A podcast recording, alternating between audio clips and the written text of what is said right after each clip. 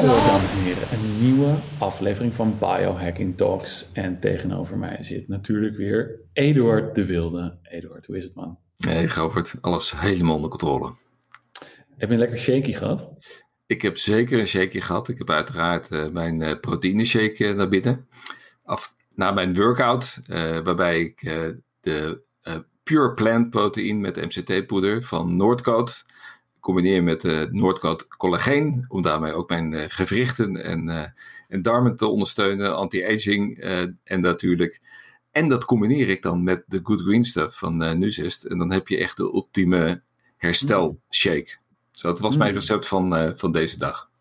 Ja, nou ja, ik, ik moet zeggen, ik ben tegenwoordig dus ook overgeschakeld op een deel van de plantaardige proteïne. En iets, iets in mij heeft daar heel lang tegen gevochten, tegen die plantaardige proteïne. Um, ja, omdat ik kom uit natuurlijk de, de, de, de topsport en de, ja, toch een beetje de, de, de bodybuilding praktijk. En daar lopen mannetjes rond die hard schreeuwen dat planten nooit de juiste aminozuurprofielen kunnen hebben om, uh, nou, noem het er allemaal op, en dus iets in mij werd getriggerd. Zo, nee, nee, nee, nee, nee. Ik word, als, als, als er vegetariërs, of, en nog erger, als er veganisten kwamen die dit tegen mij zeiden, dan was ik natuurlijk meteen, stond ik in de pres om die mensen ook aan te vallen op hun uh, tekortkomingen. En ja, dat is ook een van de dingen waar wij het vandaag over gaan hebben. Van hoe, uh, hoe kan het dat we onszelf zo aangevallen voelen soms? Ja. En dat we daardoor gestrest raken en dat iets wat iemand anders zegt een totale verandering in onze biochemie kan veroorzaken. Adrenaline, uh, cortisol die gewoon stijgt op basis van wat iemand tegen jou zegt. Ja, en dat betekent dat jouw ego knalhard wordt aangevallen. Uh, en dat jouw ego ook keihard in de verdediging gaat. Dus, en dat is ja. wel een, uh, een heel interessant onderwerp. Ook in het kader van biohacking, vind ik zelf. Uh, want dat ja. dus uh, misschien ook wel een beetje heeft het te maken met spiritualiteit. Weet je, dat, uh, dat je bewust worden van, van je ego, dat dat uh, alleen al en het proberen te hacken van je ego kan leiden tot een, een beter en prettiger leven. En, en daarom ja. een heel relevant onderwerp is ook voor biohackers. Ja, nou ja, jij, jij, noemde het net al eventjes. En um, dan, je, je, noemde al spiritualiteit. En ik weet 100% zeker dat de ego's van een heleboel mensen die nu luisteren, dat die hard aangaan op dat woord. Ja. Uh, maar ja. voor mij kwam dat, kwam dat ook namelijk uh, als, een, als een donderslag bij heldere hemel. Uh, dat ik ervoer een moment waarop mijn ego werd ja, hoe noem je het, weggevaagd, dood, doodgemaakt, uh, de, los werd gelaten. En op het moment dat het ego er niet meer bestaat, en het, dan moeten we misschien even een korte definitie geven van het ego. Ego wordt dan gezien als een soort van verzameling van alles wat jij hebt meegemaakt en wat als een soort van blokkentoren jouw identiteit uh, helemaal omhult. En als iemand die identiteit aanvalt, dan, is dat, uh, dan voel je dat in jouw ego. Ja, het is ook een soort beschermingsmechanisme geworden. Uh, om, om, de, om de trauma's die jij in het verleden hebt opgelopen, hoe klein ook, uh, om, je, om je tegen de boze buitenwereld te kunnen verdedigen. Juist, en die, dat kunnen inderdaad trauma's zijn, maar dat ego is natuurlijk, zit er niet voor niets. Het is een biologisch principe wat ervoor zorgt dat wij als, dat, dat als nummer één uh, principe heeft het organisme in stand houden. Het, ja. het, het, het, organisme in leven houden. En de integriteit van het organisme behouden. En op het moment dat die wordt aangevallen, ofwel verbaal ofwel fysiek, dan uh, gaat het ego komt in de verdedigingsstand, of ja. de vechtstand. Nou ja, dat, dat gebeurt dagelijks in ons leven wel, wel 10 tot 15 keer op een dag misschien. Ja, en wat niet per, per definitie productief is. Uh, en dat is het interessante, vind ik, om, uh, om na te denken over het ego en hoe je het ego kunt hacken. Uh, omdat ik heb ervaren dat als je kijkt in je omgeving en je kijkt naar alle conflicten die ontstaan, dat die voor een heel groot deel door het ego gedreven zijn en niet altijd leiden tot de, de uit, beste uitkomsten voor beide partijen. En daarom denk ik van ja, als, je, als het ego nou minder een rol zou spelen, dan zou de wereld er veel leuker uitzien en dan zouden we veel mooiere dingen kunnen bereiken met de mensheid. Ja. ja, en het is niet zo dat, dat het ego de boosdoener is van alle problemen op de wereld. Hoewel, uh, wat jij al schetst, er zijn een heleboel problemen komen voort uit ego-kwesties. Ja. Maar, want het is in eerste instantie bedoeld om jou te beschermen. Ja. En dus het heeft een bepaalde functie gehad in je verleden om jou te beschermen tegen pijn. En uh, bijvoorbeeld uh, als jij gepest werd, dan is het, is het ego bedoeld om uh, jou te beschermen tegen die pijn van het pesten. En dan ga je een beschermingsmechanisme om je heen bouwen. En, maar als jij nou gewoon een volwassen uh, kerel of vrouw bent en er wordt uh, ooit nog een keertje later, op het moment wordt onbewust wordt jij getriggerd op eenzelfde manier als dat het vroeger gebeurde, dan begint jouw ego gewoon die pijn die in het, in het, in het verre verleden een keertje uh, gebeurd is met jou, begint die op dezelfde manier een verdedigingsmechanisme aan te zetten. En dat verdedigingsmechanisme is heel vaak niet heel productief voor die nieuwe situatie waarin je in, waar je, waar je in zit. Misschien vroeger op het schoolplein was je heel productief, kon je je goed verdedigen. Maar nu in de, in de boardroom of op je, op je werk ergens anders is het niet meer zo. Is het niet meer zo goed. En dan is het handig om het te kunnen herkennen en te kunnen hacken als het ware.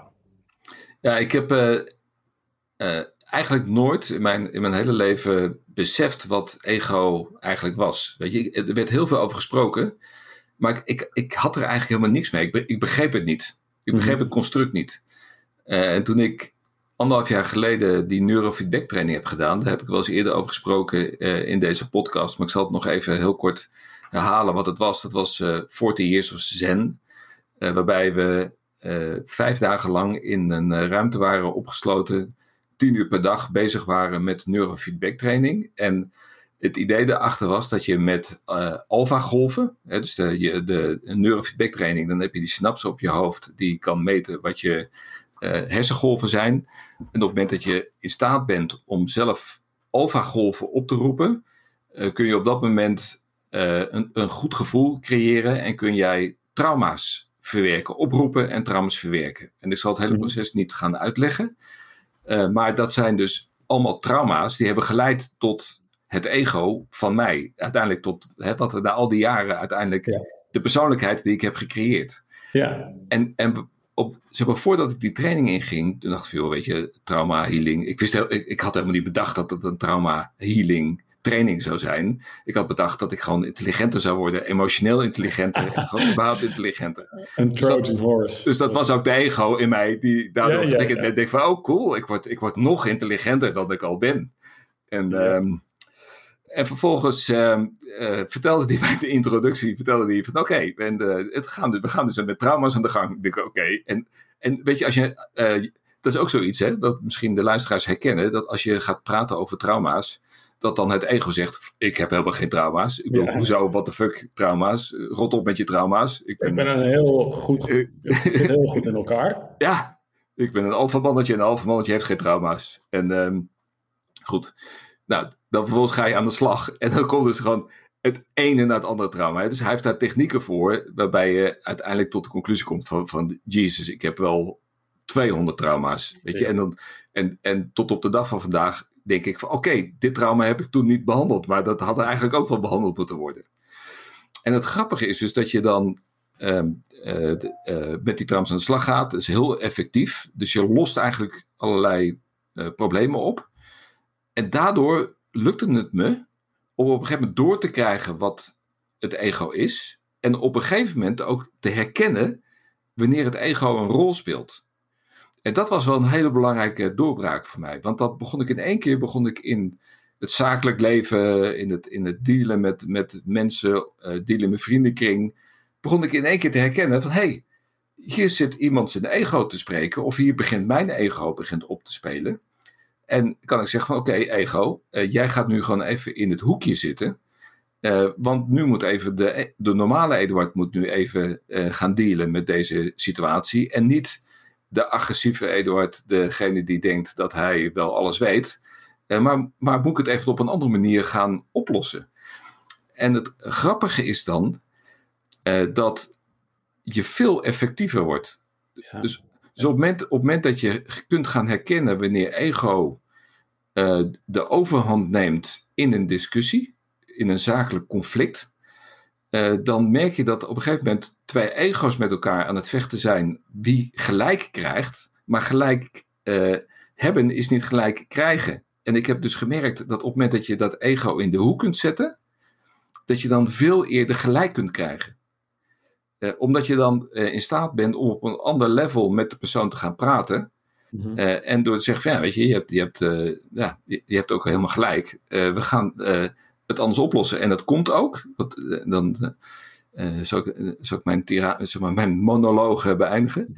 Dat komt ook omdat je in die training, die neurofeedback training, op een gegeven moment wordt geleerd om, een, als je aan trauma healing doet en heel veel trauma's zijn veroorzaakt door andere mensen, dat een van de technieken om een trauma op te lossen is om na te denken over uh, zou die ander het bewust gedaan hebben of zou er misschien iets aan de hand geweest zijn dat zo'n persoon dat doet? Zou die misschien ook een probleem hebben gehad met zijn opvoeding, met, met zijn vader en moeder, dat uiteindelijk uh, dit gebeurd is bij die persoon, waardoor die zo doet?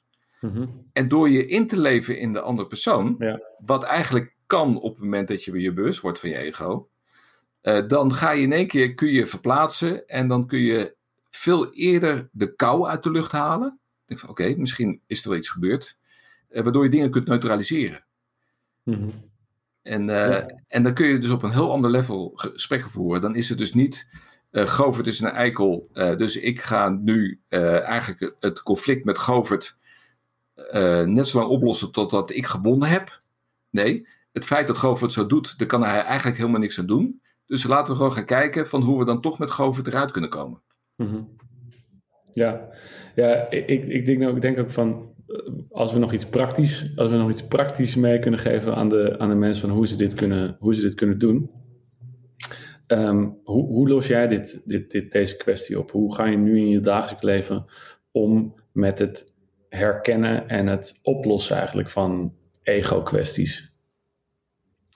Ja, het is. Het, het, um en ik weet niet of mensen daar iets mee kunnen, maar, het, zeg maar ik, wanneer er sprake is van, een, van uh, een conflict met iemand anders, dan denk ik altijd meteen als eerste gedachte van oké, speelt hier mijn ego of kan ik uh, een onderstroom uh, aantikken, waardoor ik het ego uit het ego kan stappen en het over de echte dingen in het leven kan hebben en ook mensen aan, met, met wie ik aan het praten ben uit hun ego kan halen. En, dat kan, mm-hmm. en dan kun je hele verrassende dingen uh, kunnen dan gebeuren. Ja, dus mm-hmm. de, um, mag ik een voorbeeld geven? Ik probeer ja. een heel klein voorbeeld te geven van um, uh, een zakelijk conflict uh, wat we hadden in de familie met de, de, de huurder van een pand. Dat, ik, ik, zal de hele achtergrond besparen, maar uiteindelijk kwam de advocaat aan de pas. was een, een heel groot uh, emotioneel conflict waarbij iedereen in de stress schoot. De deal werd gesloten. En op een gegeven moment zei ik tegen een familielid, zei veel, weet je wat je nu moet doen? Je moet nu de tegenpartij feliciteren. En, uh, en, en dat was dus ongekend. Dat, want een ego gaat niet zijn tegenstander feliciteren. En dat, dat, want er is gewoon strijd. Dat is gewoon de vijand. En we hebben uh, maanden strijd gevoerd. Toen uh, vervolgens die, die, uh, tegen, he, dus zeg maar de, de huurder werd gefeliciteerd, draaide die in één keer als een blad uh, aan de boom om. Ik denk van, wauw, weet je, ik word gefeliciteerd met deze deal. En blijkbaar is die man, is dat mens helemaal niet zo slecht. En wat leuk. En ja, we gaan kijken of we dit op een goede manier kunnen beëindigen. En weet je, dan, dan, dan gaat die kou uit je lucht. En dan mm-hmm. blijkt dus in één keer ben je in staat om als mens met elkaar het, het, ja, uh, op een hele andere manier om te kunnen gaan. De, en dan, dan wordt de wereld ook veel leuker als je, als je op de een of andere manier door te herkennen um, op, op een ander level met elkaar dan te, te communiceren. Ja, en het herkennen is denk ik een, een, een heel groot deel waarom mensen die uh, niet aan dit hele ego-hacken toekomen omdat het herkennen van, van, van, van, wat je, van, wat, van wat het ego doet, is heel oncomfortabel. Is heel, uh, dat is, Dan begint het, het, ego ook weer op te spelen. Omdat hij zegt, nee, dat is helemaal mijn ego niet. Dat is, uh, dat is die ander. Dat is die ander. En die, het ego wil namelijk ook heel graag um, de wereld labelen. Die wil alles wat jij meemaakt, geeft hij een labeltje, omdat hij dat kan relateren dan aan jouzelf. Wij nemen allemaal de wereld waar door onze eigen ogen. Dat is nou helemaal zo. Hoe wij, want we kunnen niet de wereld niet waarnemen door onze eigen ogen. We moeten wel een label van, hey, dit is lekker, dit is leuk, dit is goed, dit is fijn. Ehm, eh, ik ben boos. Dit, is, dus dat zijn allemaal dingetjes die, jou, die, die, die, die jouw ego tegen je zegt. En wat voor mij heel erg werkte, is dus tijdens een meditatie, uh, was, was, de, was de opdracht eigenlijk dat elke gedachte die bij jou opkomt, om die te gaan analyseren als een soort van, van, van, van plaatje die voorbij komt drijven in een stroomrivier, dat je daar een labeltje op gaat plakken van, hé, hey, dit is een, uh, dit is een gedachte, een, een oordeel ik vind iets mooi, of ik vind iets stom, of ik heb pijn, of um, ik ben verdrietig. En uh, verdriet, dat, dat, dat de hele tijd zelf die labeltjes erop plakken. En als je dat maar vaak genoeg doet, dan leer je te herkennen in je dagelijks leven wanneer je labeltjes ergens op aan het plakken bent. Wanneer je bijvoorbeeld iemand in de tram ziet die uh, naar jouw maatstaven te dik is en dat je daarvan, dat je daarvan zegt van wat een, wat een onverzorgd persoon of wat een Nee, ja. Dit is helemaal niet een onverzorgd persoon. Je weet helemaal niet de achtergrond van die persoon. Misschien heeft die persoon wel een hele nare ziekte en kan hij er helemaal niks aan doen. Ja, dat is, dit, is, dit is een hele waardevolle uh, in mijn ogen. Want dit is ook precies de training uh, die ik mezelf heb opgelegd. Ik heb, ik heb nadat ik die uh, neurofeedback training heb gedaan, heb ik met mezelf afgesproken dat ik nooit meer een waardeoordeel heb over andere mensen. En ik zat natuurlijk vol met waardeoordelen. En ik zit nog steeds vol met waardeoordelen. Praktisch onmogelijk. Ja, en dat is een ik, waardeoordeel. Ja, en ik, ja, precies. Want, ik, want ik, ik ben niet verlicht. Ik ben nog niet verlicht. En ik vraag me af of ik ooit verlicht zal zijn. Want dat betekent namelijk dat je egoloos bent. Uh, maar het is wel zo dat ik tegenwoordig, elke keer als ik een waardeoordeel heb, zoals jij hebt, dat voorbeeld van jou, of van mensen die te dik zijn, uh, dat uh, zodra ik dat oordeel vel in mijn hoofd, meteen al uh, een ander poppetje omhoog komt en zegt van Eduard, je velt weer een oordeel. Uh, en en uh, doordat je dat oordeel her, kunt herkennen, kun je ook op een andere manier met, met die mensen communiceren. En heb, ben je veel meer uiteindelijk met de inhoud bezig dan met, met een spelletje.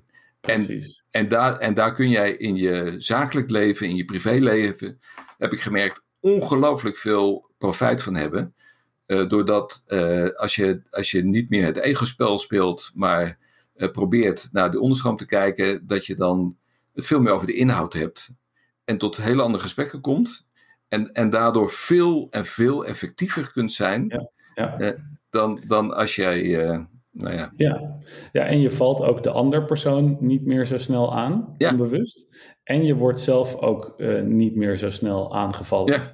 Waardoor je dus uh, biochemisch gezien de ander minder stress en cortisol en adrenaline op, oplegt. Maar tegelijkertijd ook zelf minder uh, van dat soort stresshormonen aan gaat maken. En wat en, eigenlijk gewoon jou letterlijk een lekkerder gevoel geeft in je lichaam. Ja, dus de moraal hiervan is: van als jij met je, e-, je ego kunt dealen, dan heb je een relaxter, gelukkiger en succesvoller leven.